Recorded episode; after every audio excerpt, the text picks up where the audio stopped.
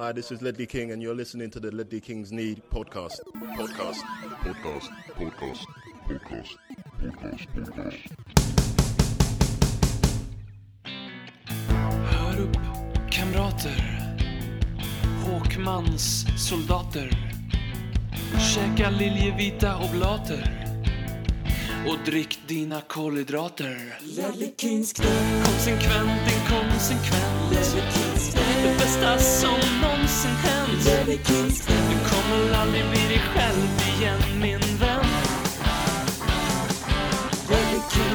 Här flödar hybrisen. När vi poddar på nytt igen.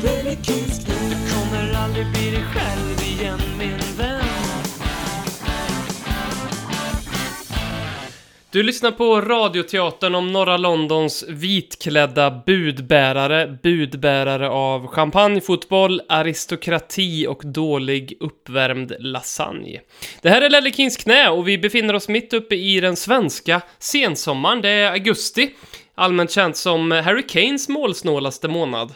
Eh, och kanske är det så att du är tillbaka på kontoret, kanske är det ett hemmakontor eller så är du åter i skolbänken och då tycker, du, då tycker vi att du bör slänga ett öga i våran shop för där kan man nu köpa en Ledder Kings knämugg att fylla med både varm och kall och eh, låg och högprocentig dryck. Robin heter jag och förutom min eh, hybris så har jag med mig mannen som delar initialer med en belgisk mittback, kattmänniskan och kateterpedagogen från Sveriges 17 största stad, BM. Tackar, tackar. Alltid lika hedrande att få vara med i sin egen podd. Det är ju, det är ju alltid, det är väldigt exklusivt att bli inbjuden till eh, den här podcasten. eh, Som vi nu väl officiellt kan gå ut och säga ägs av Robert Folin. Just det. Eh, hans holdingbolag som han har på Kanarieöarna. Så alla pengar som kommer via de här kaffekopparna, äh, muggarna eller vad man nu kallar det, äh, som vi hoppas att ni köper massor av, de kommer ju utan undantag gå rakt ner i Robert Folins ficka. När han ligger där på en Baden-Baden på en eh, turistig strand på Kanarieöarna och sippar i sig mojitos. Egentligen så är han i Småland någonstans tror jag nu och, och målar om ett hus. Men vi kan ju måla upp någon form av bild. På- cirkus, det är ändå lite... Det är ändå Just lite det, han kunde inte vara med på podda idag för att han skulle på cirkus. väldigt, väldigt eh, kompatibelt med att äga en eh, otro, otroligt framgångsrik Tottenham-podcast i Sverige på svenska. Men det är konstigt beteende att gå på cirkus, eller? Är inte det väldigt 20 eller ens 90-tal? Är det liksom, ja men eh, djurrätt? Det kanske inte är någon djur på cirkus längre i och för sig. Det kanske, jag vet inte. Men om man, ja, alltså, det var ju en bra diskussion. Alltså, det, det känns ju väldigt småländskt var min spontana reaktion. Och då tänkte jag, oh, shit, nu kommer jag bli kallad för någon form av rasism där man är eh, fördomsfull mot eh, smålänningar. Mm. Eh, men det kändes bara som att det passade den småländska urbygden att ha cirkus med typ bengaliska tigrar och eh, andra utrotningshotade majestätiska djur. Medan resten av världen, slash i alla fall Sverige, har typ förbud mot cirkus och eh, nöjesparker och... Men Kolmården och sånt är ju fortfarande öppet i och för sig. Men det, oavsett vad så tycker jag att det... Det är nog, det är förmodligen bara utrotningshotade djur. Eh, Det finns säkert någon form av underhållning där eh, podcastägare får skjuta ärtskott på poddare. Eh, I någon form av så här gatulopp där de springer i den småländska myllan. Eller hur? Det hade jag sett på. jag med faktiskt. Tänk på den när du klickar hem en eh, mugg att de går rakt ner i Robert Folins eh, cirkusficka. Ehm, vi måste börja. Du har ju köpt den nya Tottenham-tröjan och även fått hem den. Mm. Hur ehm, upplever du tröjan nu? Jag, jag ska börja med att säga, det här är som disclaimers inför alla eh, farliga saker. Men jag ska säga att jag är alltid sån här med tröjor. Eh, förutom två sen, av de senaste typ 6-7 åren så har jag alltid tyckt de är fula fram tills jag får dem. Förutom två Nike-tröjor. Den vi hade haft den förra säsongen. Eh, säsongen som varade... Champions League-final? Nej, ehm, nej, nej, nej, nej, nej, nej. Förra säsongen som varade 11 månader, alltså den som tog slut för en vecka sedan typ. Mm. Eh, eh, den sista tröjan Janne Fartongen spelade i, där jag liksom prickade in och har han på ryggen också. Och sen den första Nike-tröjan, förutom det här konstiga återgången till att det var en sköld kring klubbmärket. Mm, just det. Men de två är ju. Eh, annars så tycker jag oftast att de är fula.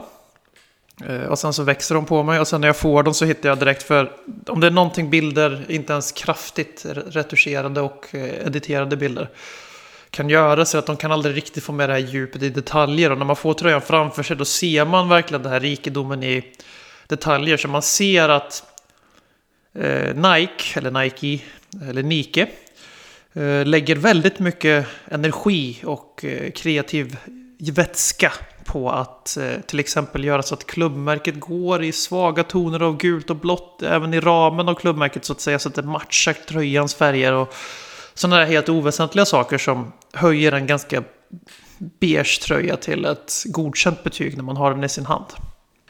Mm. Men, Kul. men eh, man ser. Hade du något tryck också? Toby, för att han gjorde mål i North London Derby, matchavgörande målet. Jag kanske inte ja. riktigt ville stå fast vid det vadet, men i vår chattgrupp, Parrots Pågar, som är öppen för allmänheten så länge man hejar på Spurs, håller med oss om Erik Lamela och massa andra disclaimers. Så då hedrar man det man lovar där inne. Just det. Um, vi har fått en fråga. Det här avsnittet kommer för övrigt domineras av uh, två saker. Den ena är lyssnarfrågor, för vi har fått så otroligt många, så att det kommer vara ganska Sillisur. spridda skurar. Ja, det kommer vara spridda skurar, en hel del sillisur. Av någon anledning så verkar det som att ni som lyssnar på den här podcasten vill att vi ska prata om uh, transfers. Um, det har tagit oss sju år att få den insikten. Så det kommer det bli en hel del. Sen kommer vi prata om Pierre-Emil Höjbjer, som ju precis, jag skulle säga minuten innan vi tryckte på räck här, eh, offentligt presenterade som en eh, Tottenham-spelare. Eh, men jag vill ändå ha, ha, vara kvar i tröjorna här. Eh, för Fredrik Svensson undrar om vi har tips på hur man får tag på en Edman-tröja på enklast sätt. Um, och jag har för mig att jag har sett någon sajt som eh, typ heter Classic Football Shirts eller Retro Shirts eller något sånt där. Där man kan köpa för en ganska överkomlig summa eh, tröjor från tidigare eh, säsonger. Och eh, det bästa sättet med Edmantrycket är ju helt enkelt då bara att se till att trycka den på någon... Jag vet inte fan om man kan göra sånt på Stadium eller Intersport idag, men... Eh, Ja, eller ett tryckeri i din lokala by om du har en sån eh, med Premier League-bokstäver. Är väl det bästa, eller? Ja, Classic Football Shirts är ju fantastiskt för att få gamla tröjor. Sen det här med just som du är inne på att få rätt spelare på ryggen. Det är ganska tufft och de kostar en slant. Eh, för då det, kan det ganska ofta vara att, att de till och med är matchanvända. Om, det, när, om vi snackar ändå 15 år nu. Uh, så att i Classic Football Shirt så kan man hitta säkerligen någon tröja från Kappa-säsongerna eller Edman-eran. Att det ska finnas en med Edman färdig, ja, osannolikt. Och eh, det enda stället jag vet med 100% säkerhet kan göra Premier League-tryck är Unisport i, som har ett, ett kontor slash butik i Köpenhamn. Eh, för det gjorde de på min Ericsson-tröja för några år sedan. Men eh, Problemet där är att jag tror inte att de blir aspeppa på att man kommer dit med en tröja man har köpt någon annanstans. Bara, äh, kan ni trycka Edman 3? Mm. Men, eh, så det är bara där man kan få det absolut riktiga Premier League-trycket, menar du? Nej, det vet, det, så, det vet jag absolut inte. Men det är det enda stället jag kan garantera att man kan få i alla fall den här säsongens Premier League-tryck. Eh, mm. 2004s Premier League-tryck, det blir nog jävligt svårt. Annars kan man ju alltid söka på Ebay, antar jag. Där finns mm. det säkert något, men då får man ju definitivt eh, vara vaksam för att det kan vara piratkopior man köper. Mm. Vi brukar ju hävda att vi är först med saker i Tottenham. Eller ja, vi brukar inte hävda det. Det är ren fakta att vi är en klubb som har eh, många eh, punkter på CV som vi var för, före andra klubbar med. Vilket jag tycker är på ett sätt, jag menar det här med att när man ska eh, ha någon form av eh, brösta upp sig mot andra klubbar och säga att vi inte har vunnit några titlar, men det har ni. Det är ju en ganska meningslös diskussion på så vis att det är ju ett, alltså, ett, det är ju ett enda långt, oändligt maraton. En vacker dag så kommer vi kanske ha vunnit mest titlar, så, så den kan man liksom aldrig... Men, men, däremot så kommer det bara finnas en klubb som var till exempel som Tottenham var först med att vinna en europeisk tr tr eh, trofé av brittiska lag och så. Och en rad andra dubbel. saker. Först med att vinna dubbeln och först med att värva spelare från, eh, från utlandet och så vidare. Eh, men en sak som var ny för mig, eh, det är ju det att vi var ju först med i fa Cup-finalen 1991 eh, när vi vann mot Nottingham Forest, så eh, hade vi på oss baggy shorts. Eh, och det här är alltså sådana shorts som är ja, men nästan knälånga och väldigt luftiga som sen användes eh, och används fortfarande till stor del, men eh, eh, efter det att vi hade dem i, som, i den fa kuppfinalen så tog hela världen efter eh, och varenda fotbollsklubb i, i princip eh, använde sådana shorts. Även jag när jag sprang runt på Kroppkörs IP när det begav sig här i Karlstad hade ju den typen av shorts. Eh, och det var faktiskt vi först ut med och dessutom var det ju våran manager då, Terry Venables, som var med och designade de här eh, shortsen. Eh, och när vi först eh, gick ut med dem så, så hånade motståndarsupportrar och hela världen det här och skickade massa gliringar, men sen så tog alla efter. Eh, det var vi först med. För det var ju en ganska lång period där, från 60-talet och framåt, alla de här legendariska bilderna man sett på spelare i i princip liksom boxershorts, stora shorts. Det finns ju en charm med det också, men om man eh, ja, inte tycker det eh, allt för trevligt att titta på den typen av eh, eh, hudbehåring eh, så långt upp i ljumskområdet så är ju baggy shortsen ganska bra. Men det var vi först med på 90-talet eh, i FA-cupfinalen. Eh, på tal om samma ämne. Eh, Pierre-Emil Höjberg klar för Tottenham och han har fått tröja nummer 5 är eh, vad det ryktas om, ska jag säga. För jag kommer inte in på tottenhamhotspur.com för att det är ett sånt högt tryck på servern och antagligen har Daniel Levy köpt ett alldeles, alldeles för litet serverutrymme eh, eftersom att det är eh, billigt. Eh, så att det här kan vara inaktuella uppgifter, men vad tycker du om att anta tröja nummer fem? Det är ju ändå liksom, det är ju Vertongens gamla siffra. Jag fick precis några Facebook-meddelanden om just den saken och det är så här alltså. Han är ju åtta år i modern fotboll. Eh, ni som lyssnar på X-Range har hört det här argumentet förut. Men det är ju definitivt likvärdigt med de här tio år för en testimonial förut som främst kom till. De här testimonial-matcherna i brittisk fotboll var ju främst till för att ge spelare en extra inkomst. Man brukar ju ofta ge pengarna till spelarna i fråga, i alla fall lite längre tillbaka i tiden. Eh, och han har säkerligen haft bud från andra klubbar, informellt i alla fall. Kanske något officiellt också, vad vet, vad vet vi. Och stanna kvar och varit en väldigt bra spelare. Men det här är fotboll. Eh, man pensionerar sällan, om inte man är Birmingham då, så pensionerar man väldigt sällan tröjnummer. Vi i Tottenham har ju en, en inofficiell tröjpensionering som är nummer 26. Eh, det är ju ingen som har spelat i den sedan Leddan, eller Leddy King gick i pension. Men eh, alltså nummer 5 är up for grabs. Eh, det, det är väl bara för, om Pierre-Emil Höjbjerg vill ha den så ta den. Sen så är det klart att det svider lite för man har inte riktigt kommit över den. Att man har inte ens riktigt förstått den. Att Jan, att Jan Fertongen kommer inte att spela för oss i september när det beger sig. Eh, det har inte hänt på ganska länge. Eh, sen rent spontant så både tilltalar och kittlar lite att en defensiv mittfältare eller central mittfältare som spelar defensivt eh, väljer nummer fem, för det är ett defensivt nummer. Men samtidigt är det också, nummer fem är ju ett mittbacksnummer, så vad fan tänker danskjäveln med? Jag tycker, ja, jag tycker man kommer undan det. Jag håller med om att det är, det är lite reserverat för mittback. Men um, nummer sex, och som Davison Sanchez har, det, det, tycker jag också är lite stiligt för en mittback. Så mm. att femman och sexan är liksom... Och undrar om inte jag hellre har nummer fem på ett defensivt mittfält än uh, nummer sex. Den största rädslan hade ju varit om han hade kommit in och tagit så här. Jag vet inte, han är väl född 95, 96 någonstans. Alla är ju så jävla mm. mycket yngre än vad vi är nu. Uh, så då tänker man ju att, tänker man liksom, ja, jag spelade 90, han är 24 så han är född 96. Fyller 25 kanske. Då har 95 eller 96 på ryggen. Då hade man ju bara, okej, okay, eh, Pierre ut som hashtag mm. resten av liksom Ledder Kings knäs levnadstid. Mm. Mm. Jag eh, tycker ju att det här är första gången som vi har, ehm, eller första gången, jag tycker nu äntligen att vi har hittat den eh, en rättvis ersättare till Moussa Dembele.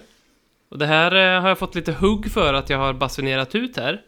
Ehm, så vi kan väl stanna vid det lite grann. Vi har faktiskt fått en ganska bra fråga för det som jag skulle vilja... Patrik på Twitter undrar hur viktigt ett välbalanserat mittfält är för framgång och då kan man väl bara eh, vända på den frågan genom att säga, ja men titta på Tottenham senaste året här sedan Musa Dembele lämnade så har det ett ganska bra svar. Vi har ju en ganska fin historia av den här typen av eh, defensiv eh, halvdefensiv typ av mittfältare. Eh, innan Moussa Dembele och Wanyama så hade vi ju Eh, Wilson Palacios, vi hade Sandro, vi hade Scott Parker. Eh, Scott Parker som ju orimligt blev årets spelare också i den positionen i Premier League.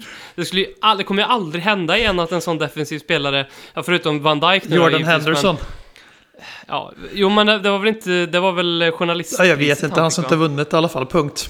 Ja. Allt vi behöver säga ja, om det. Och sen eh, Michael Carrick, eh, det finns ju många fler också, eh, men och, och sen Moussa Dembele då, som kanske hade en lite mer eh, offensiv roll. Och det är det jag gillar med Höjbjer, för jag tycker att han har inte bara det här äh, Wilson Palacios Sandro-typen eh, i sig, för den moderna fotbollen är så fruktansvärt effektiv, så att du har ju inte råd med att ha en spelare som mer eller mindre bara har en enda uppgift. Möjligtvis har man det kanske i ett Mourinho-lag lite mer då, men någon som bara ska vara holding midfielder eller vara en sköld, utan man måste kunna bidra med någonting mer. Och det är det jag tycker att Höjbjer gör, för att han är ju otroligt brytningssäker och allt det där. Men han, är också, han har ju också väldigt fin statistik i den här omvandlingen från en, eh, en, en vunnen boll till ett anfall. Han kan dribbla framförallt väldigt bra ligger ju lite oväntat i toppen den här säsongen om inte jag minns fel tillsammans med Tanguy Ndombele med mest eh, lyckade dribblingar.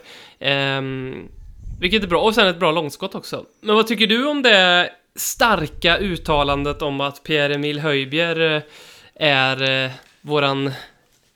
Att vi äntligen hittat vår Moussa Dembele-ersättare i honom? Eh, det, ditt argument var bra, jag höll, höll inte alls med spontant, men Eh, om man tänker, om, man, säger så här. Eh, under José Mourinho så är han nog en så kallad Moussa Dembele-ersättare. Eh, absolut, för Moussa hade haft en mer defensiv roll under Mourinho än, man hade, än han faktiskt hade under Pochettino. men Pochettino värvade ju sin Moussa Dembele-ersättare förra sommaren i Tangen. Dombele. där har vi, som du nämnde honom där i lyckad dribblingsstatistik och sådär. Det har ju glömts bort lite i den här väldigt utdragna säsongen, men Dombele var ju inte i närheten av att vara en flopp eh, förrän Mourinho kom in. Innan dess var det bara ja, ännu en spelare som inte är fit och inte är skadefri när han kommer till Spurs ordentligt. Och sen så börjar man fatta att det var ett mönster hos honom och så, och så vidare. Men det han är väldigt bra på och det som Moussa Dembele var exemplarisk på, det var ju det här att ja, man sköldar sin backlinje, absolut. Och där tycker jag att Moussa definitivt var bättre defensivt än vad Tengue har visat. Men det är att de är, den, de är den trygga uppspelspunkten. När vi rullar ut från målvakten, som vi inte gör så mycket längre under Mourinho. Mm. Men när vi gjorde det så, så var det Moussa Dembele man passade. Och sen så var det en, två, kanske till och med tre gubbar upp på honom. Och han på riktigt seriöst, liksom 90% av gångerna, om inte högre, vände bort en, kanske två, kanske tre och hittade nästa fas i spelet. Det var ju det han gjorde, han var någon form av pressmanöverspelare. Och eh, det är ju Tanguy Ndombele. Han är det han är ett nötskal. Han är fantastisk på det att ta boll ganska djupt ner, vända bort första pressen, hitta en ny passning. Eh, sen har han kanske inte varit så fantastisk på särskilt mycket annat. Det ser inte jag riktigt i Höjbjer. Eh, men med tanke på vem som faktiskt är vår manager nu så eh, tycker jag liknelsen ändå har lite vatten på sin kvarn. Han kommer ju användas i den typen av roll. Jag har svårt att se att det kommer bli Lo Celso som får jobbet att gå ner och hämta boll djupt nu. Och det är kanske lite därför vi, det var så viktigt att vi faktiskt fick det gjort tidigt. Eh, vi fick det gjort till ett jävligt överkomligt pris om man räknar att Kyle Walker Peters gick i en separat affär på grund av redovisningsskäl. Så är det ju 3 miljoner pund och Kyle Walker Peters vi betalar för Pierre-Emil Höjber.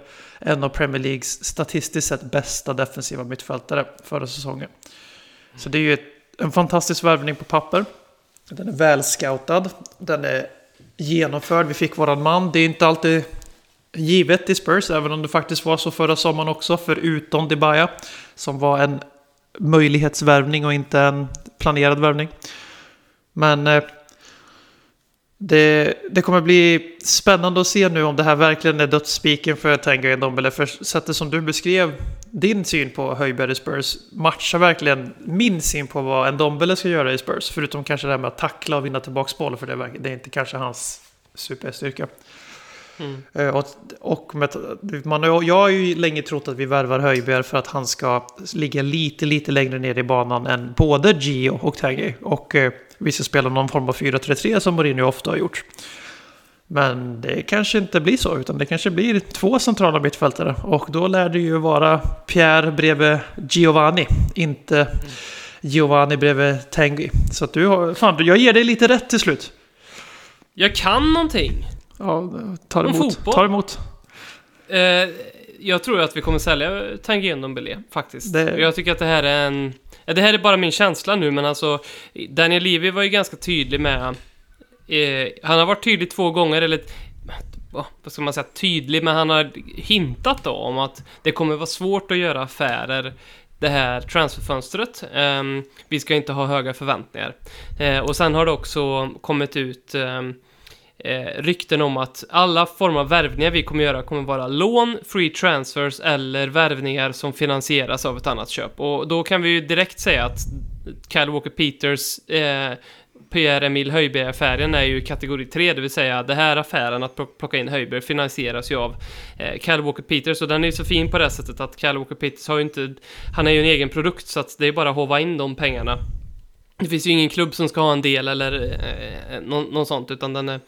Eh, och sen så tror jag att för, för hans del så var den här... Eh, och han var nog Kyle Walker då, alltså Peters, väldigt angelägen om den här affären. Så det var nog ganska enkelt med Southampton att komma överens om, om, om sånt. Då. Eh, så av den orsaken tror jag att eh, då eh, en Mourinho funderar på en högerback och då kommer väl kanske Serge Aurier ryka och vi vill finansiera det, eh, den försäljningen med, med eh, en ny spelare, eller vi vill ta de pengarna och använda på en, på en ny spelare. Vilket kan vara ganska klokt, för jag tror ändå vi kan få en ganska bra peng för Aurier. Men då kommer vi tillbaka till Ndombele om han ska säljas eller inte, och, det, och det, det, tror jag, för att jag tror att där har vi pengarna för våran backup striker. Jag kan inte se någon annanstans eh, vart de ska komma ifrån. Nej. Och det jag skulle vilja, vi, vi kommer tillbaka till backup striker och så, men det jag skulle vilja se, um, som du var inne på, välscoutad värvning som Höjbjerg är, är att vi gör mer värvningar i, från Premier League eller från Championship.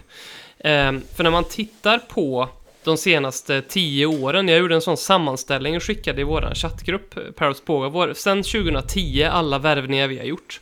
Och så var det ungefär lika många vi har plockat då externt eller utifrån, utanför Premier League eller brittiska öarna och sen lika många som vi har plockat från Premier League Champions. Så var det ganska tydligt att möjligtvis att toppar kan finnas utanför eh, brittiska öarna, men alltså mer eller mindre varenda värvning som har kommit ifrån andra konkurrerande lag eller lag i lägre divisioner har på något sätt fallit väl ut hos oss. Um, om man tittar på värvningen utifrån det syftet som varför spelaren kom in i, i, i, första läget. Då. Ja, absolut. Och vi har ju också, jag vet inte om vi kommer komma in på det eller inte, men vi har ju också en situation där vi har väldigt ont om homegrown-platser. Och mm. det kommer ju också betyda att om vi ska värva en icke homegrown spelare, alltså som har fostrat det engelska fotbollssystemet, eller eh, Football Association, och det betyder exempelvis att spelare, två spelare som många tar för givet är homegrown, eh, Ben Davies och eh, Eric Dyer. I alla fall Eric Dyer är jag helt säker på inte räknas. Jag förvånades själv av jag läste någonstans i flödet att Ben Davis inte heller homegrown. Men det förvånar mig lite så jag vet inte om det helt stämmer. Men oavsett vad så har vi i alla fall så att om vi ska ta in en icke homegrown, exempelvis någon spelare från Italien, som är en polsk anfallare kanske, så måste vi sälja en icke homegrown spelare i truppen. Mm. Och eh, då kan man ju börja pussla ihop här att det kanske inte är en slump att det är minst två namn på varje position det ryktas om. Där ett av dem alltid är ett eh, Premier League-namn kan vi säga, ett homegrown-namn. På högerbacken är det Mervan Celik från Lill, men det är också Max Aarons. Eh, på anfallsplatsen så är det Arkadius Milik och massor med britter. Alltså, det är den verkligheten vi håller oss i. Och går man in i den här sommaren och förväntar sig sexigare värvningar än Höjbjer, eh, då får man nog faktiskt, som du var inne på, då får man nog ställa om sina förväntningar lite. Så att man slipper att gå och vara missnöjd och sur över någonting som klubben har varit ganska tydlig med att det kommer inte hända. Förra sommaren var vår stora splurge-sommar, det gick åt helvete. Eh, den här är, det här är fel sommar och storsatsa. Det är klart att man vill väldigt enkelt, för det är en enkel lösning och vi människor tycker om väldigt enkla lösningar på komplexa problem. Det är därför det finns eh, missnöjespartier som får höga eh, röstprocent i många länder. Vi har ju varit inne på den här podden förut att det är samma mekanism som driver missnöje i politiken och som tycker att precis allt är regeringen och myndigheternas fel som tycker att precis allt Eh, Daniel Livis fel. Men fortsätt. Eh, och, och sen är det ju så här att eh, om vi ska plocka in sexiga namn och köpa storspelare. Ja, kanske om vi hade fått använda vår stora flagship arena eller stadium hela säsongen och corona inte hade hänt och allt sådär. Men den här sommaren kommer det bli höjbjervärvningar. Höjbjervärvningen på papper ser fantastisk ut. Det fyller ett väldigt tydligt behov i vårt lag för en väldigt överkomlig peng. Där man har utnyttjat ett marknadsläge där han har utgående kontrakt och vi hade en spelare som hans klubb var intresserad av. Eh, så det är vad man ska förvänta sig. Och om de är lika välscoutade som Höjbjer, då är jag i alla fall optimistisk. För vi har Alltså inget ont om Mauricio Pochettino i övrigt. Men det här med att eh, chansvärva Eh, ett billigare alternativ från Ligue Ö. Förlåt, Daniel Levy menar jag, inte Pochettino. Var fan kom det ifrån? Eh, istället för att ta den 10 miljoner dyrare Premier League-bevisade spelaren. Sadio Mané i det här fallet. Eh, det har jag bitit oss röven förut. Så jag avstår hellre de värvningarna också. Och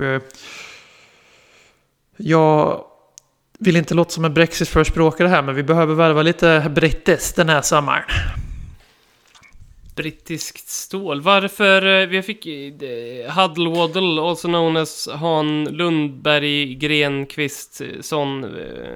Jag uttalade hans efternamn fel sist så att jag garderar mig lite den här gången. Undrar varför vi förhalar Höjbjergs announcement så mycket. Frågan är om det är så mycket förhalning eller om det är bara så att ja, man... Alltså jag tänker ofta på det, för jag har också varit den där snurran att jag tänker, men vad fan, hela, hela världen, hela min Twitter vet jag att Höjbjerg är klar. Varför kommer ingenting från Tottenham? Och jag, jag, tror inte att det handlar om att någon sitter och inte gör sitt jobb, utan de är nog ganska snabbt ute med den här nyheten så fort de kan vara det, för det är väl massa tricks som ska till och det är en social media-film och en liten drönare där som har filmat lite fint över Hotspur Way, det ska in. Sen är det ju också att du vill ju inte gärna annonsera att du har värvat en annan spelare spelares, en annan klubbs spelare före du har gjort det. Och, eh, för det händer ju med jämna mellanrum att spelare annonseras och så får den köpande klubben skamset ta bort det i sina, sina videos och grejer och för att de blir hotade med stämningar. Och så kanske till och med får betala några extra millar för det. Mm. Så att eh, det är ju förhalning, nej. Uh, lite instant gratification trigger på där, den där frågan tycker jag. Uh, och uh, det som har hänt här i Höjbyfallet är att han har varit kopplad, sammankopplad med oss väldigt länge. Eh, han, och sen har det också, får inte glömma bort det, det har varit två extremfall här. Vi har haft en spelare och agent, får vi utgå ifrån, som har läckt väldigt mycket pro Spurs. Kanske till och med Tottenham själva som har gjort. Men spelaren har ju bevisligen suttit och likat diverse saker och eh, använt sina likes som ett sätt att sätta press på sin före detta klubb. Eh, samtidigt som vi har haft Southampton som uppenbarligen har läckt en jäkla massa för att försöka trissa upp priset desperat. Där det mm. liksom gick så långt så att journalister som i sin tur hade matats med uppgifter av Everton faktiskt gick ut och dementerade Southamptons uppgifter och sa att Everton värderade honom till 11 miljoner pund lägre än vad Southampton-journalisterna. Så det är därför vi har, länge, vi har vetat om länge att det här skulle bli av. Eh, då blir man lite frustrerad, men det är den 11 augusti, det är en månad kvar till säsongen. Spelarna gick på semester för typ tio dagar sedan, sju dagar sedan. Eh, bara följa Lamela och kompanis båtresa så vet ni hur länge de har haft semester. Eh, det är inget att hetsa upp sig över, är mitt, lång, är mitt kortsiktiga svar på det långrandiga narrativet.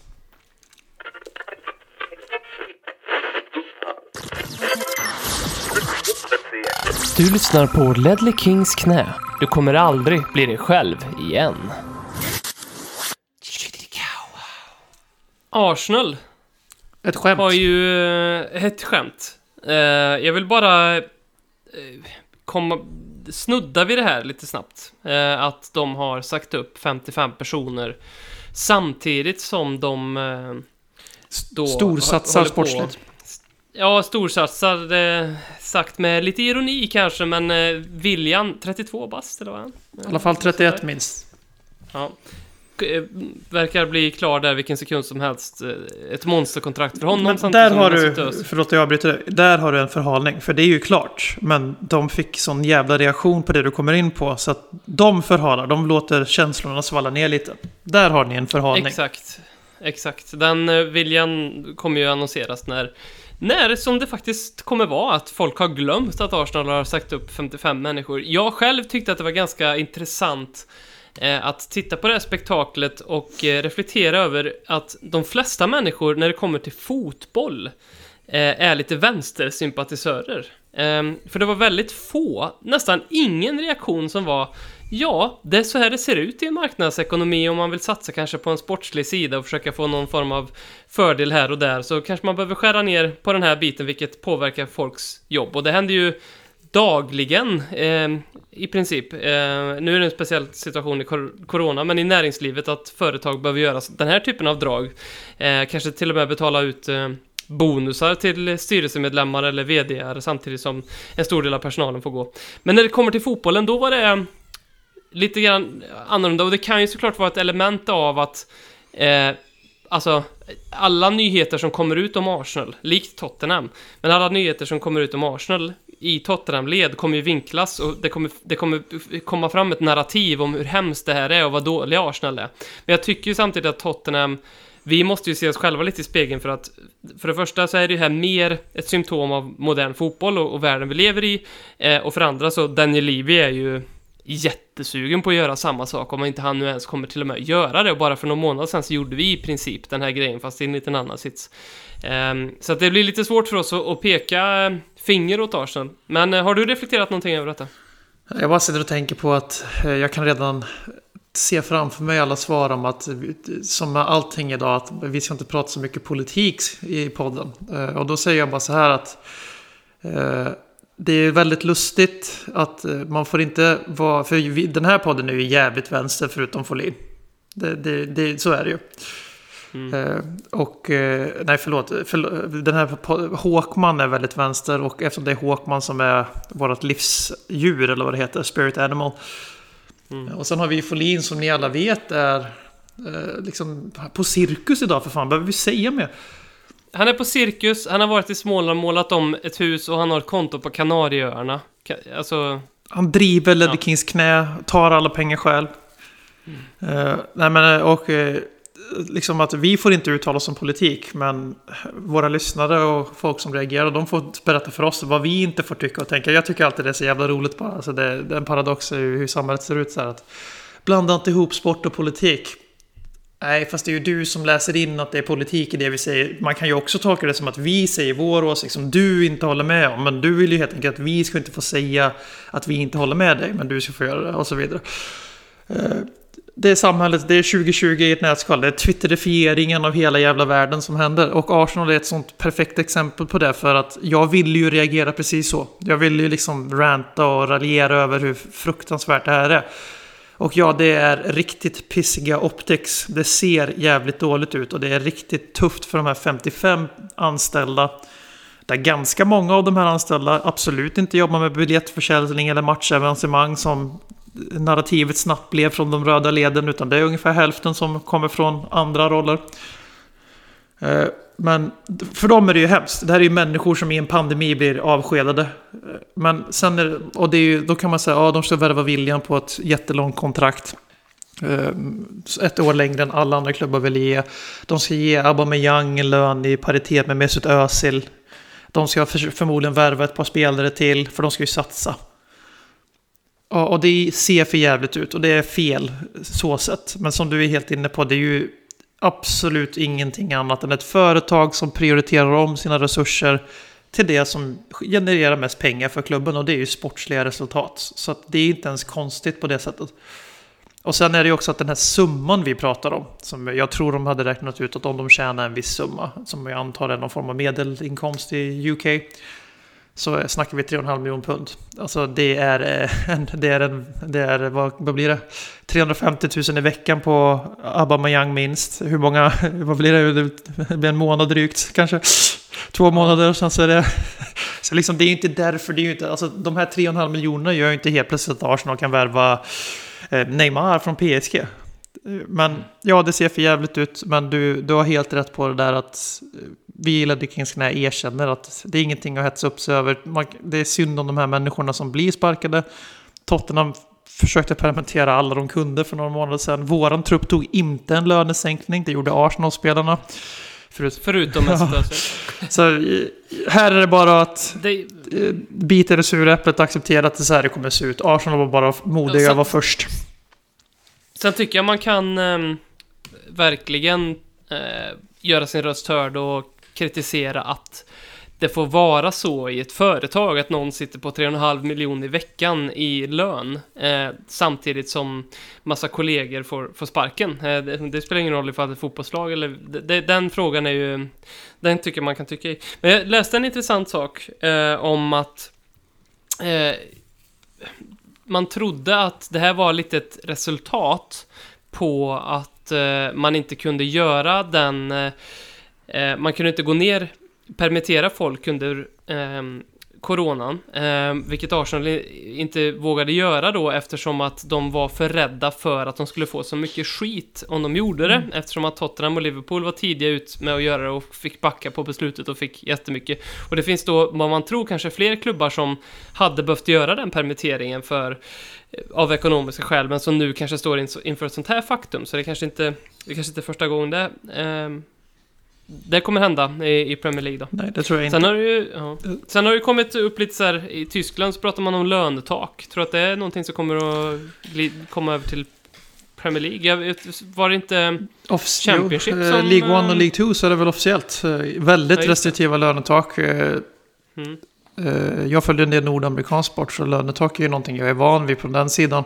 Det är ju någon form, för att vara inne på det här med att alltså det är en marknadsekonomi, det är en kapitalistisk värld vi lever i. Eh, den, kapitalismen besegrar ju planekonomin i, i den stora kampen mellan marknadsekonomi eller mellan ekonomisk politik. Det är väl inget att liksom sticka under stol med. Eh, och, eh, och i fotbollen är det så intressant som du var inne på att det är så väldigt arbetarvänligt och vänster i fotbollen. Och det tror jag är för att fotbollen i sig är ju en tvättäkta arbetarsport från början. Det, nästan alla lag i England kommer ju från någon form av koppling till någon hamn eller till något företag. Och vi har till och med lag i elitfotbollsklubbar som Bayer Leverkusen som är grundade som friskvårdstänk för sina anställda. Liksom. Så det kommer ju mycket från, det är ju folkets sport. Men det har alltid bankrollats av investerare eller kapitalister eller ägare och sådär. Eh, och lönetak är ju en supersocialistisk idé i fotbollsekonomin. Precis som den är i hockeyn och allt vad det är som det används i. För det är ju att säga att Ja, Toronto Maple Leafs. Ni tjänar åt helvete mycket mer pengar än Columbus Blue Jackets. Det här är lag som jag antar att du hade hört talas om, men det är hockey. Jo, jo herregud. Eh, och, eh, men ni får inte lägga de pengarna på en spelartrupp, för det spelartruppen får max kosta så här mycket. Och det är för att det ska vara sportsligt jämställt på isen. Men sen utanför isen får man investera hur mycket man vill efter hur mycket pengar man har. Och ja, det finns väl en del av mig som tycker att fotbollen skulle må bra av det. Det skulle bli lite mer, faktiskt göra lite skillnad om man hade en jävligt begåvad tränare, en ung och spännande trupp där vars motståndare inte kunde köpa sig i kapp. Till exempel Tottenham som studsar upp några år där och sen så kan våra rivaler köpa sig i kapp. För att de, mm. ja. Men då får man ju också vända på det att det är ju inte särskilt rättvist mot Manchester United exempelvis att deras långsiktiga, långa arbete, för de börjar ju på samma plats som alla andra klubbar började back in the day att de har blivit ett av världens absolut största varumärken, det ska inte de straffas för så här heller. Och det tycker jag att lönetak är faktiskt lite för mycket, att det straffar klubbar som gör ekonomiska sidan av sporten bra. Mm. Sen är det ju också samtidigt så att det är ju befängt vilka pengar det kastas runt i fotbollen. Och det belyses ju extra mycket nu under corona. Men jag är inte för ett lönetak i dagsläget. Jag tror också att det skulle få kedja på vattnet att Premier League skulle tappa i slagkraft. Kom ihåg när Premier League försökte eh, tvinga transferfönstret att ta slut före säsongerna började. Gick sådär. De andra ligorna såg sin chans, för Premier League betalar ju mer än alla andra ligor, förutom enskilda lag. Så att eh, de fortsatte ha fönstret öppet. För att det var en konkurrensfördel för dem. Eh, Om Premier League går ut och säger vi tänker också ha lönetak, då kommer La Liga och Serie A säga nej, nej, nej, nej, nej, nej. Och sen så kommer de bäst betalda spelarna i England att flytta till dessa ligor. Så det är många aspekter och vill man att Premier League ska vara stjärnspäckad, eh, ha sex storklubbar som kan utmana Europa varje år ish, då får man nog tyvärr acceptera de galna pengarna. Och eh, häll en öl på grusmarken eller på gräsplätten för alla lag i League 1 och League 2. För deras, de kommer ha det jävligt tufft att ens etablera sig i Championship tack vare det här beslutet. Det här började som en diskussion lite om Arsenals eh, sätt att... eh, att de satt Arsenal är ett skämt. Eh, Och de, jag, jag ska avrunda det med att de värvar ju William från Chelsea. Eh, och jag har förstått en sak nu. Och det är ju att Arsenal och Chelsea inte fattar att de är rivaler. De har inte, det har inte sjunkit in hos dem att det, det där är liksom en klubb som jag inte, för det har ju Arsenal fattat gentemot Tottenham så att säga, och, och vice versa. Där är det ju jätteinfekterat och där skulle aldrig spelare gå. Skulle spelare gå där, och de gånger, de få gångerna det har hänt, så har ju det blivit en jättegrej. Mellan, mellan Arsenal och Chelsea, som ju är i, i alltså sportsligt jättestora rivaler, och sen också, alltså geografiskt ännu större rivaler, de har inte fattat det, men de lånar liksom, det är William och det är Peter Käck och det är Fabregas och det är Gallas och det är Ashley Cole och det är liksom bara, det finns ju hur många fler som helst. Är bara, ja men varsågoda. Luiz. Och när, da, ja, och precis, och inte minst, och så, sen så när de när de då ska spela mot varandra, men då ställer sig hela allihopa upp och sjunger om hur mycket de hatar Tottenham. Så hur, va, hur kan inte de ha fattat än att de är rivaler? Det är förbi men det säger väl kanske mer om dem. Jag vet inte. Det är också ett bra sätt som du var inne på i, på Twitter tror jag med våran, att eh, William lyckas ju. Det är ju svårt att bli ännu mer illa omtyckt av Spurs än att skriva, i stort sett skriva på för klubben, vara på medical och sen jailbreaka sig ut därifrån och skriva på för Chelsea. Mm. Men att gå på free Vi får inte glömma bort hur, vi, hur vidrig han är faktiskt. och sen, sen att göra en jävla massa mål på oss eh, och hålla på. Och sen så skriva på för Arsenal. Fast jag tror att det här är bra för Tottenham att han gör det. För att Arsenal verkar tycka att det är en bra affärsidé att lägga en jävla massa pengar på 30-plussare i moderna fotbollen. Eh, och vi har ju sett hur bra det gått med Mesut Özil och missar de eh, Champions League och slutar utanför Europa League till och med om de inte lyckas snubbla till sig en sån här charmig underdog-seger i FA-cupen som mittenlag ibland lyckas med. Fan, då kan det bli, då blir det tufft för Arsenal Wanderers om några år, förhoppningsvis. Vi är denna vecka sponsrade av Ingenting. Ingenting är det bästa alternativet där ute för dig med sunt förnuft som skyr saker som spelbolagsreklam eller 15% på redan alldeles för dyra kläder som ingen kommer bry sig om om ett halvår ändå. Gå inte in på någon hemsida och framförallt uppge ingen rabattkod. Kom ihåg, livet är mer än konsumtion. Tack, Ingenting. Jag fick, vi fick en väldigt märklig fråga till podden. Eh, Det är Rasmus Larsson som undrar varför Dronsfield, det, det är ju då jag, har en sådan spring för livet-aura. Ja, har du det själv? Alltså, frågade du din fru om det var hennes första Ja, intryck av dig när ni låste ögon för första gången för länge sedan? Då tänkte hon spring för livet, tänkte hon. Nej, jag, jag, jag tycker det är kul för eh, jag, jag vet inte riktigt vad Rasmus menar om, om det finns Det finns ju en film, en gammal svensk B-rulle som heter Spring för livet. Det finns en B, ja men liksom en, jag tror det är en gammal eller eh, ganska eh, halvny Melodifestivalen-låt som heter Spring för livet. Eh, Unicef anordnade ett, en joggingrunda som heter Spring för livet. Eller om det helt enkelt bara är så att han ser framför mig att om det liksom vi befinner oss i en farlig situation att jag inte skulle börja springa utan det jag skulle göra är att springa för mitt liv och även skrika spring för livet vilket jag landar i är det mest rimliga här för jag tror faktiskt att jag skulle kunna tänka mig att skrika spring för livet om jag skulle behöva göra det eh, och då skulle jag också springa för mitt liv Jag måste också säga att det här, det här, det här är ju ett väldigt fint exempel på eh, motsatsen till toxic masculinity. Det här är ju hälsosam maskulinitet. Liksom att erkänna att det är fegis-tolkningen av spring för livet-aura som är bäst lämpas för dig istället för den här lite mer ma- macho, Håkman-aktiga kom så bara. Auran som är spring för livet. Ser man Håkman och hans skägg i en grusgrop då, det, då springer man ju för livet. Det, alltså, annars, är man ju, annars är man ju sinnesrubbad. Så att, jag, jag, jag tycker men det är hedrar dig, jag håller med. Ja, skicka gärna ifall ni har någon BM-aura, Håkman-aura eller mig eller någon annan i podden, någon aura som ni kan skicka. Jag har ju fått den. det är Jag har fått den som kul. är så jävla bra. Det är ju överstepräst-aura. Ja, lite så. Eh, Ape- Du, Apex du, har också, du, du har också auran av att eh, om du är på en fest med ganska mycket folk så bryr du dig inte så mycket om att säga hejdå till folk när du går därifrån utan du bara drar. Det där var nästan beklämmande hur träffad jag kände mig. Jag gjorde det senast igår på eh, kick-offen på jobbet. jag gick, jag gick så. tillsammans med en kollega och, och, och han bara hej då! Och jag hade inte ens tänkt tanken på att säga, eller säga godnatt. Utan jag bara ja just det, ja godnatt och så fortsatte jag, jag jag är inte en särskilt sympatisk människa vad vi kommer fram till.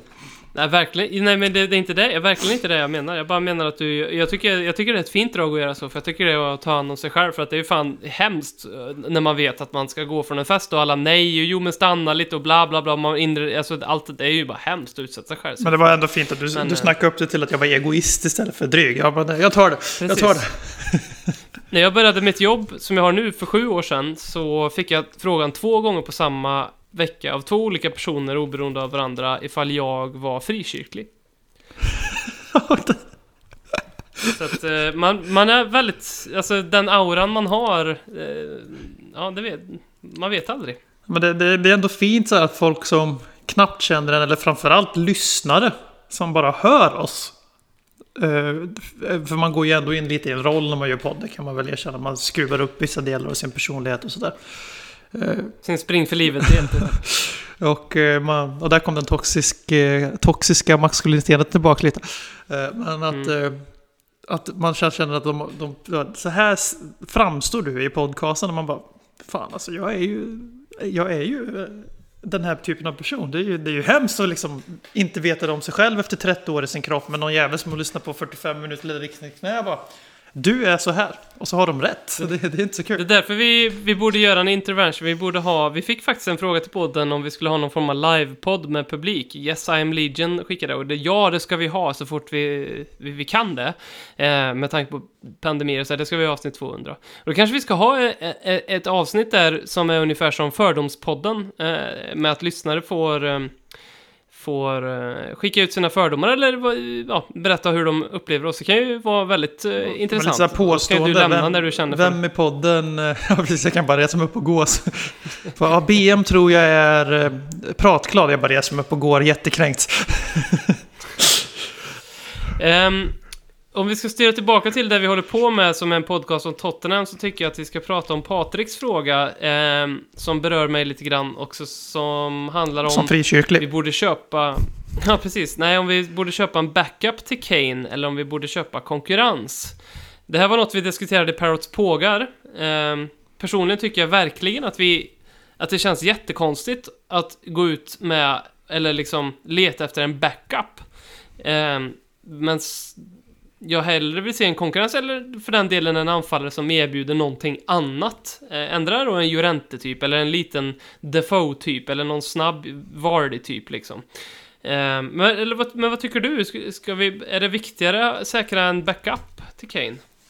Alltså det är en komplex fråga. Det är klart att det inte... Alltså just den här sommaren tycker jag att det faktiskt har varit väldigt mycket. Vi letar ett, en reserv till Harry Kane. Eh, kanske kopplat till vår tidigare diskussion om klubbens ja, ekonomi och transfer policy just den här sommaren, den här tiden med corona som ju inte är slut än. Alltså det är inte ens nära. Eh, och eh, sen är det, så, det är klart att vi aldrig värvar en spelare med förhoppningarna då, eller kanske, men man köper ju inte en anfallare och hoppas att han på sin höjd kan spela fem matcher per säsong. Utan tanken går ju alltid, man ser ju alltid andra vinster i spelare, hoppas jag i alla fall. Eh, än att man värvar någon som, ja men den här killen kan spela i Carabao Cup. Tills, så får Kane vila. Då kan man lika bra ge de minuterna till Troy Parrott eller till någon, vilken anfallare i ungdomslagen som helst. Mm. Eh, Men att köpa en konkurrent till Harry Kane, det... Ja, hade vi varit Real Madrid kanske. Alltså vi har inte de pengarna, vi kan inte... Alltså, jag tror folk ibland underskattar, slash tar för givet hur jävla bra Harry Kane är. Och Mm. att köpa en spelare som konkurrerar med honom, det är dyrt. Och det är väl väldigt mycket bättre att använda de 70 miljoner punden minst till två andra väldigt bra spelare på andra platser i banan i sådana fall. Eh, så jag väljer ju absolut linje. Köp någonting relativt ungt, spännande som kan spela på kanske en av ytterpositionerna också. Eh, Exempelvis Ollie Watkins då, som har spelat både som anfallare och gjorde 26 mål för Brentford.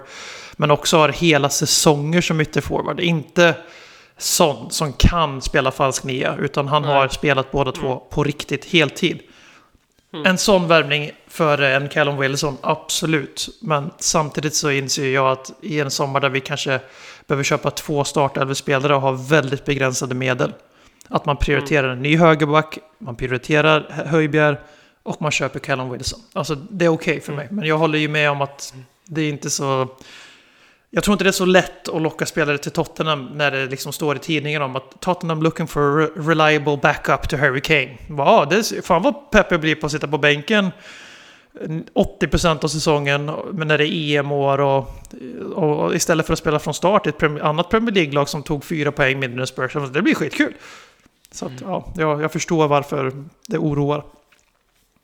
Någonting som brukar dyka upp varje, em, förutom Kane-rykten och Kane-backup-striker och sådana saker, är ju Gareth Bale. Jonas Fernstedt har skrivit på vår Facebook om det inte vore jävligt spännande om Bale kom tillbaka. Han har ju några år kvar på högsta nivån, men är han för skadebenägen? Eh, Vill du ha tillbaka Bale? Jag svarar kort så får du bre ut dig eh, för omväxlings skull. Nej. Ja, jag har ju inget eh, mer att tillägga där, för jag vill verkligen inte ha tillbaka Bale, och det är av den orsaken att Gareth Bale är i det... Av två skäl då. Det ena är ju att han är i det skedet av sin karriär där han vill göra en MLS. Han vill ha en smooth ride innan han går i pension. Eh, och den typen av spelare vill inte jag ha i Tottenham. Som liksom... Det, det, har, det funkade väl hyfsat när vi tog Rafa van der Waart. Han, han var ju inte på väg i pension på något sätt, men han behövde ändå bevisa någonting lite grann i Tottenham och han gjorde det bra. Men annars så vill jag inte ha den typen av spelare eh, som... eh, som egentligen bara vill hålla sig själv relevant genom att spela fotboll. Eh, och, sä- och, det, och, och det kommer in, går ju hand i hand med mitt andra skäl med att jag tycker att Gareth Bale har bara, från den dagen egentligen han började vägra eh, träna med Tottenham för att han ville driva igenom en försäljning till Real Madrid. Vi har inte alla fakta om varför han gjorde det, men bara det i sig är ganska töntigt gjort och sen så som han har betett sig på den sista tiden i, i Real Madrid, det säger så mycket om han, eh, vad som har hänt med hans ödmjukhet och, och så. Eh, Sen så, det finns en viss del av mig som tänker så här, om det är någonstans han ska liksom få någon form av nytt återupp vaknande som fotbollsspelare så kanske det är i Tottenham. Eh, därför att han kan väl, han, lär ju inte, han är ju liksom inte en helt genomrutten människa, han lär ju ha någon form av lojalitet och liksom kunna minnas den fina tiden och att det var i Tottenham han slog igenom. Och med det liksom komma tillbaka till det laget och väcka den känslan att få vara stjärnan och vara den givna killen eh, vecka ut och vecka in som han vill vara. Absolut, men, men det faller ändå över, för, för mig är han liksom, eh, han skulle tillföra jättemycket såklart, men eh, personen han kommer in med, nej, det är därför jag gillar Höjbjerg så mycket, för där har vi en som vill ta nästa steg i karriären, som är en eh, etablerad ledartyp, som har spelat, provat på liksom Bayern München eh, livet, det gick inte vägen där, han vill dit, han vill bevisa sig dit, så han har någonting helt annat att spela för och han kommer med en helt annan energi än vad en eh, Gareth Bale skulle göra. Sen har vi också 635 000 pund i veckan skäl till eh, att eh, Gareth Bale inte kommer hända. Och det faktum att hans eh, agent som förmodligen sa åt Gareth Bale att klä sig i rosa t-shirts och caps och vägra träna med Spurs för att eh, kavla bort några miljoner på övergången så att han inte skulle vara dyrare än Ronaldo. Men Levi vek ju inte ner sig utan han blev dyrare än Ronaldo och sen så blev det aldrig en särskilt bra relation mellan Ronaldo och Bale. Så där kan man ju snacka om sköra egon. Eh, Men han skrattade i stort sett på frågan i någon podd för någon vecka sedan, eller det var i någon art- äh, intervju. Det är svårt att särskilja transkriberingar av poddar och intervjuer ibland. Eh, men att han, han började garva på frågan huruvida Bale skulle komma tillbaka till Spurs, det, kom, det kommer inte hända. Och sen, även om han kommer tillbaka jättemotiverad så hade han aldrig varit bättre än våran en näst bäst i Spurs. Och då hade ju hela liksom den biten fallit också. Kane är nummer ett. Men eh, vill man ha råd man är det ju bara att säga upp en 70-75 personer. Ja, precis. är det bara Då kan man, kan man värva honom i tre veckor. Det är absolut värt det. Lukas Strömberg på lite samma tema. Vem i truppen har störst potential att bli nästa Judas? Oj, eh, ingen hoppas jag. Eh, vi skiter i att nyansera frågan och ta det som att spela ut sitt kontrakt och sen gå gratis till Arsenal. För annars blir det inte så roligt. Mm. Det är väl Tanguy Dumble är det tråkiga svaret. Han skulle nog gärna köra det fingret i nyllet på José Mourinho och Tottenham som klubb efter det här året. Men jag tror inte att han är beredd att göra det i fyra eller fem år till som hans kontrakt löper. Utan det måste ju vara någon som... Kieran Trippier hade den auran lite grann i slutet och framförallt mm. efter den. Han var, han, var, han var lite frustrerad. Alltså jag har ett väldigt smärtsamt svar här och det är ju Harry Kane. Um, och det är ju... Han har fyra år kvar på kontraktet, andas, det är lugnt. Ta det lugnt. Jag vet, men det, fan alltså. Jag tror... Ja, jag, jag, det, det, det ska otroligt mycket till för att det skulle hända. Eh, det skulle ju vara att han blir vanskött i Tottenham, att vi är liksom kanske till och med nere och fightas eh, mot nedflyttning och, eh, och så. Eh, att det ska gå så långt. Eh, men Ja, oh, fy fan. Jag, jag, tror, jag, tror att, jag tror vi målar upp en bild om att han är lite som Pochettino, som kanske inte ens stämmer den heller, att Pochettino aldrig skulle träna Barca för att han har Espanyol-lojalitet, och så han har ju sagt samma om att han, och vi tror liksom att Harry Kane skulle aldrig gå till Arsenal för han har spelat i Tottenham, men jag vet inte fan med Harry Kane, Axel, en lurig jävel, han är ju inne för att bli bäst i världen, först och främst, inte för att göra, tror jag ändå, när, när allt kommer till krita, men, eh, ja. Hoppas jag att jag har fel. Alfie Whiteman är mitt svar. Fan vad diplomatiskt. Fan vilken tråkig spelare Alfie Whiteman. Man glömmer bort att han spelar för oss jämna mellanrum. Jag hade glömt bort att han hade gjort det. Det var någon i Pares Pågar som skrev en lista med hur absurt många målvakter vi har i A, U23, U21 och sådär. Och det stämde ju. Jag bara, just det, Alfie Whiteman han spelar ju för Spurs. Vi fick väldigt många fina frågor som vi brukar få Robin Nordanlid. Han är bra på det här. Um, och um, vi hinner inte tala dem, men uh, han skrev en sak som jag missade. Um, men han skrev så här. Hur reagerade ni när Gassas son kom ut och förklarade att han var bi? Uh, blev ni förvånade av hans svar till sonen eller är det ett kryptiskt slash vanligt svar till ens barn? Och när jag läste det tänkte jag så här, nej fan också, nu har Paul Gascoigne gått och skitit i det blå skåpet och sagt något typ homofobiskt eller sådär. Men jag måste säga att jag hittar inte det. Eh, utan det enda jag hittade var ju att Gascoigne sa att han är stolt över sin son. Eh, har jag missat någonting? Jag har ingen aning vad Nordanlid hänvisar till. Alltså det här Proud of my son, ja. Eh, och sen generellt eh, alla människor i alla eh, delar av samhället och i livet eh, ska få vara de de är. Det gäller även människor som mm. delar åsikt med mig. Eh, och sådana här frågor med identitet och den man är som människa och eh, det, det ska alltid premieras. Alla har samma rätt till att vara den de är och det behövs verkligen inom fotbollen. Kom ihåg vilken grej det blev när Jimmys brorsa kom ut för ett gäng år sedan. Det här är en duktig fotbollsspelare men som liksom absolut inte var någon världsspelare. Jag vet inte ens om han spelade professionellt. Det gjorde han kanske i ung ålder, Anton Hysén. Men mm. det blir ju en världsnyhet. Och det är ju tyvärr det är ett underbetyg för idrotten. För det, det, kan vi, det finns ju inte en chans att det är så få homosexuella eller bisexuella fotbollsspelare inom herrfotboll. Det, det är liksom Nej. statistiskt, alltså det skulle vara ett sånt statistiskt sammanträffande så det är helt otroligt.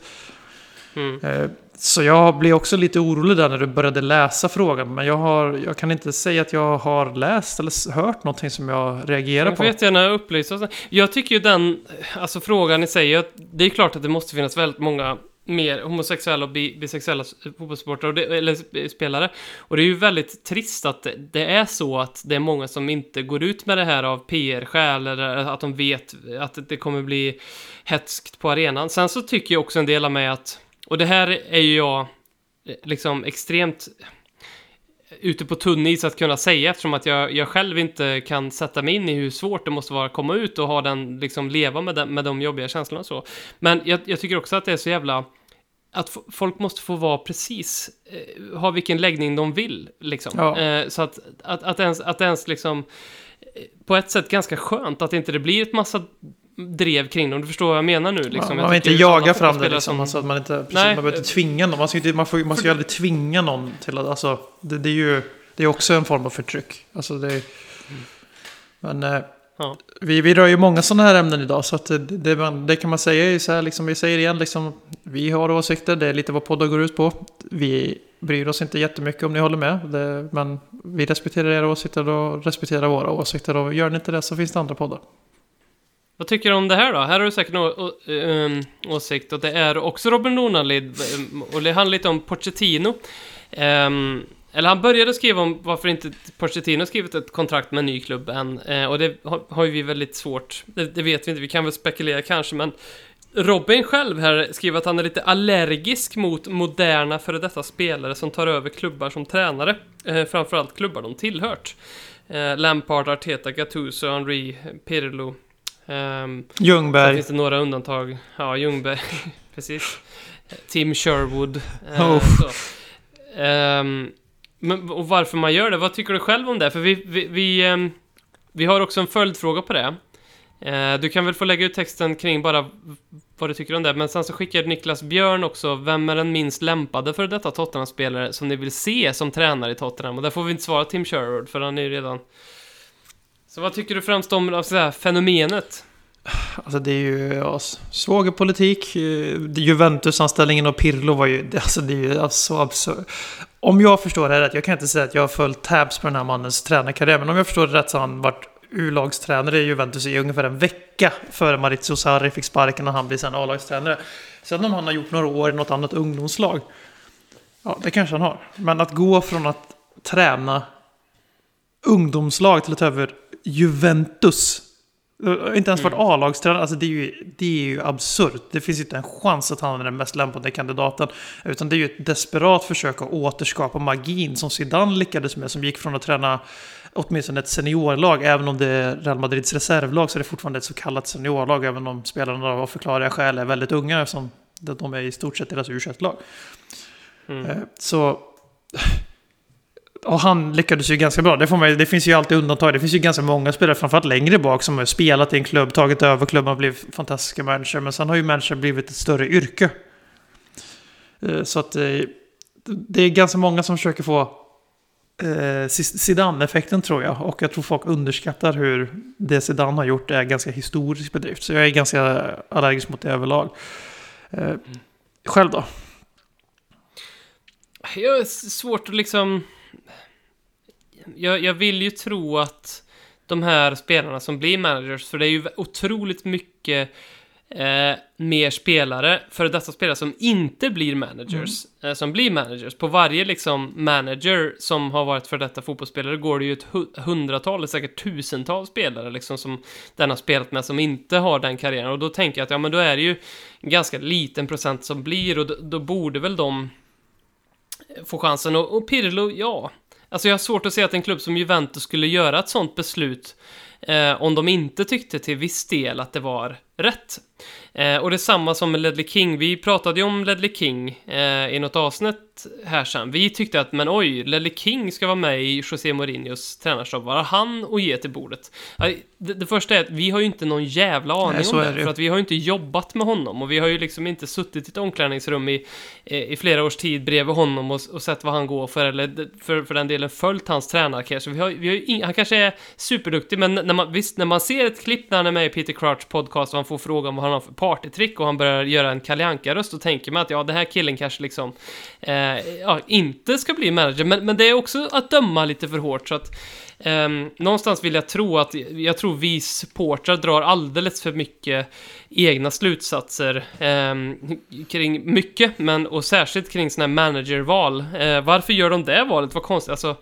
um, det är ju inte så att Juventus sportchef eller VD eller president eller vad vem det nu är som styr, bestyr och bestämmer det bara liksom, man vi kör Pirlo ett tag får vi se hur det blir, utan det är ju såklart en rigorös eh, och jävla massa möten och liksom konferenser upp till midnatt som de har suttit och pratat om, om det här innan eh, det sker, och det är samma med Lelle King, det är ju inte så att han bara, ja men jag skulle vilja vara med nästa säsong, ja men vad bra, häng med, utan det är ju liksom en, en långsiktig plan han har med Livi och kanske som Mourinho fick höra dagen han tillträdde. Och kanske skulle varit så att han hade varit med i Pochettinos stab om det hade varit så att Pochettino var kvar också. Så att jag tror vi, vi är snabba att eh, analysera lite för mycket för att vi har spelat FM. Eh, så att vi, vi tror att vi förstår allt, precis allt om hur fotbollsklubbar ska skötas. Tänk, tänk vad obefintlig podd branschen hade varit om, om det inte var så. Tänk om det var så, här, Ja. bara, så här, att man, bara, man var tvungen att vara liksom, det hoppas jag alla förstår som lyssnar på den här. Liksom, att vi är inte några fotbollsgenier. Vi är inte statsepidemiologer. Vi är inte eh, politiska arbetare eller så här, människor som jobbar inom den politiska bubblan. Vi är liksom vanliga Svenssons som har, tycker och tänker. Det är lite det, är lite det som är grejen. vad, Vi- får bara, för jag vet jag har en till fråga. Får jag bara vrida så här. Vad skulle våran podd handla om, om om den skulle handla om något som de nuvarande casten, vad vi faktiskt är experter på? Vad skulle podden vara? Alltså någonting där vi faktiskt skulle kunna säga saker med så här, expertis och trovärdighet. Hur får man bort fett från grillgallret på bästa sätt? Ja, inte. alltså, ja, vi, har ju, vi har ju två stycken som jobbar inom utbildning.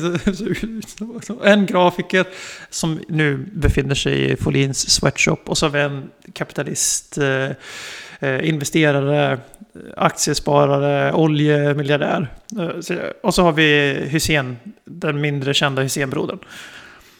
Jag tror det skulle vara en podd om typ så här, livet enligt oss, där vi bara satt och pratade om massa saker vi inte egentligen förstår oss på. Så, så, Små saker som vi får ångest av. där, ah.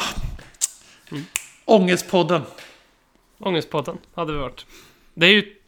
Mi- Mild ångestpodden. Ångest över Men, irrelevanta eh, saker-podden. Niklas fråga. Vem före detta Tottenham-spelare som ni vill se som minst lämpade? Robbie Keane.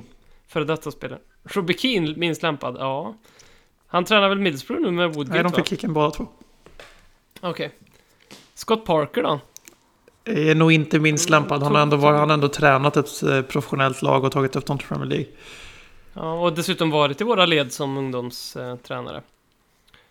Um, Nej, men Robbie Keane. minst lämpad, det finns ju fruktansvärt många som är min, men jag tror all, allra, allra, allra minst lämpad är ju Benoit Assokoto. Uh, förlåt Apex Triplets. Och jag har också en crush på Benoit Assokoto. Men att ge liksom Benoit Assokoto nycklarna till managerrummet och säga du styr det här nu. Eh, ja, det hade varit fatalt. En vecka tror jag han hade uh, hållit på. Sen hade han fått gå. Timo Taino slänger in också för att bränna ännu mer broar. Ehm, Johan Nygren undrar om vi hade tvingats döpa om podden genom att byta ut Ledley Kings till en annan Spurs-profil och knä till valfri kroppsdel på den spelaren. Vad vi då hade döpt den till. Vi var ju tidigt, tidigt inne på Erik Edmans vänsterdoja. Jag vill inte kännas vid det för det är mycket sämre namn än Ledley Kings knä. Mm. Nasser Chadlis delfindrul. Ja, den, det, det, det is a mouthful, så att säga. Vincent Jansens målsinne. Eh, Erik Lamelas armbåge. Fruktansvärt bra. Paul Gascoignes ölhävararm. Oh. Mörk, mörk, Sol. mörk. Eh, oh, jag, Aurelio Gomes tvålindränkta hand. jag tänkte dra en Hugo Dorista, men jag avstår. Ja, just det. Eh, vad, man tar, vad finns det mer för någon? Man måste vara, försöka svara relativt seriös. Alltså, det är ju svårt. Alltså, Ledley Kings knä, alltså, det, det var ganska perfekt. Det är ju kopplat till den här Gary Mabbott, eh, Mabbotts-storyn, men det var ju Paul Stalteris vänsterfot, och då tänker jag på, det var väl vänsterfoten, kanske till och med var högerfoten. Han 4-3. gjorde det målet mot West Ham mot. Ja. Fan, alltså kommer du ihåg några andra namn vi hade på tapeten förutom Erik Edmans vänsterdoja? Nej, jag, jag tror inte det. Jag tror att vi ganska tidigt var, var ute att vi ville ha ett roligt namn, att inte vi vill döpa den liksom så som alla andra poddar heter, Så. någonting podden. Eh, så, men eh, ja, jag, jag, jag, jag, minns inte. Erik Edmans vänsterfot, eller om det var vänsterdoja, det minns jag. Eh, vad, ska man ta? Benoit alltså, livsinstä- livsfilosofi. Den är bra, väldigt bra. Den, där får någon gärna starta en utbytarpodden.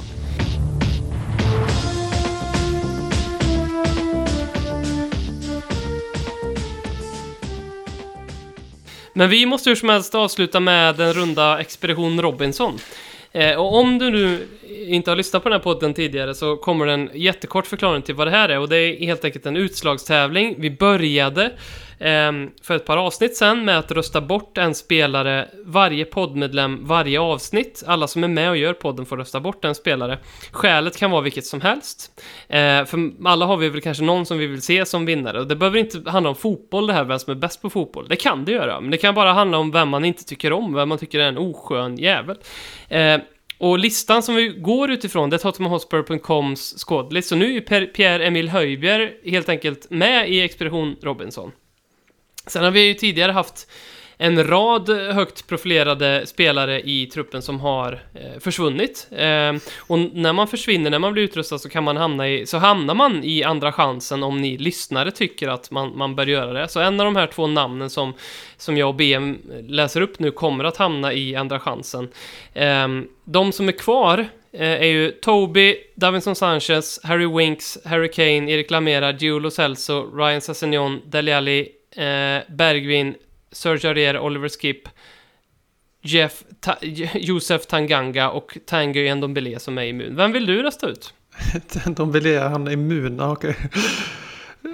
Han är immun även ja, ja, ja, två, just han har varit i andra förlåt, två avsnitt. Mm. Uh, alltså, jag, jag, jag, vi har haft ett litet mönster idag, eh, ett litet tema. Taggarna utåt. Hybris, vi är ändå kända för det. Vi, vi är ju poddarnas AIK, tyvärr. Uh, men eh, jag plockar ju dansken direkt. Han ska inte komma någon, han ska inte komma någon dansk eh, nummer fem. Och ta Jannes tröja och sen glider hem för att vi glömmer bort honom i åtta veckor när vi värvar nya spelare. Och så vinner han Expedition Robinson. Inte en chans. Man ska förtjäna sin tröja i Tottenham. Man ska förtjäna sin plats på, på ön tänkte jag säga. Det funkar väl delvis. Eh, han ryker. Hej då dansk. Det här är ju helt sjukt, för nu hamnar vi i ett sånt läge att oavsett vem jag säger så kommer ju lyssnarna att rösta in eh, Höjbjer, för att han är ju liksom het, han är ny, på, ny här. Så jag borde ju kanske gå för någon, för att göra det här lite spännande. Jag gamblar ju lite idag. Um, för att ta in någon som... Som jag tänker... Det är nu Kane kommer, det är nu, det är nu han droppar Kane. Ja men vi tar, vi tar en annan, vi tar Steven Bergwijn. Oh, ja, det, det här är en bra andra chansen. Vem vill ni ha kvar i Expedition Robinson? Eh, Pierre-Emil Höjbjer eller Steven Bergwijn? Det är bara att rösta på Twitter och då kommer den eh, killen hamna i andra chansen tillsammans med Heng Son. Och när det finns fyra spelare där, då röstar vi tillbaka en av dem i Expedition Robinson. Och i slutet så blir det som det alltid blir, det är en, en spelare kvar. Eh, I veckan kablades det ut lite bilder på Lo Celso, Eric Dyer, Eric Lamela och några till som var på semester. Är på semester får vi väl hoppas kanske. Eh, lite Expedition Robinson. Har du sett de bilderna eller? Ja. Vad, vad tycker du om att de hänger med varandra? Det känns väl bra eller? Ja, det tyder ju på en bra laganda. Eh, lite kul också att, för som jag förstår det så Davison Sanchez kilar stadigt som jag vill minnas från Instagram. Lamela familj. Eh, Giovanni vet jag inte. Och Dyer vet jag inte heller. Men det är lite kul att se liksom att man, man klarar av att blanda lite familjeresa slash hänga med kompisarna och lagkamraterna. Eh, tyvärr gör visit K-rikten får mig att tro att det kanske är en liten farväl Erik Lamela båtresa de här vännerna är ute på. Mm. Och eh, i sann anda för dagens avsnitt så är det ju så att alla åsikter är lika mycket värda. Förutom åsikten att Erik Lamela ska säljas från Tottenham. Det är undantaget som bekräftar regeln. Får vi se vem som vinner Expedition Robinson också efter det starka uttalandet. Tack så mycket för att ni har eh, varit med oss. Fynda i vår shop, gå med i vår chattgrupp Paris Pågar. Egentligen allt man behöver göra i livet kan på något sätt härröras till Ledley Kings knä. Vi har ju skaffat en ny fin liten sån här linktree också nu där man hittar alla länkar till oss. Så man kan en hel dag liksom bara surfa runt. Ja, vad fan alltså. Eh, vi är podden att gå till när vi ska prata corona. Vi är podden som att gå till när det gäller ekonomi. Vi är podden att gå till när det gäller politik. Vi är podden att gå till när det gäller Arsenal. Vi är podden att gå till när det gäller Liverpool. Och vi har jävligt vassa grafiska designer som produceras i, vårat namn. Här flödar hybrisen. Tack för att ni har lyssnat. Konsekvent,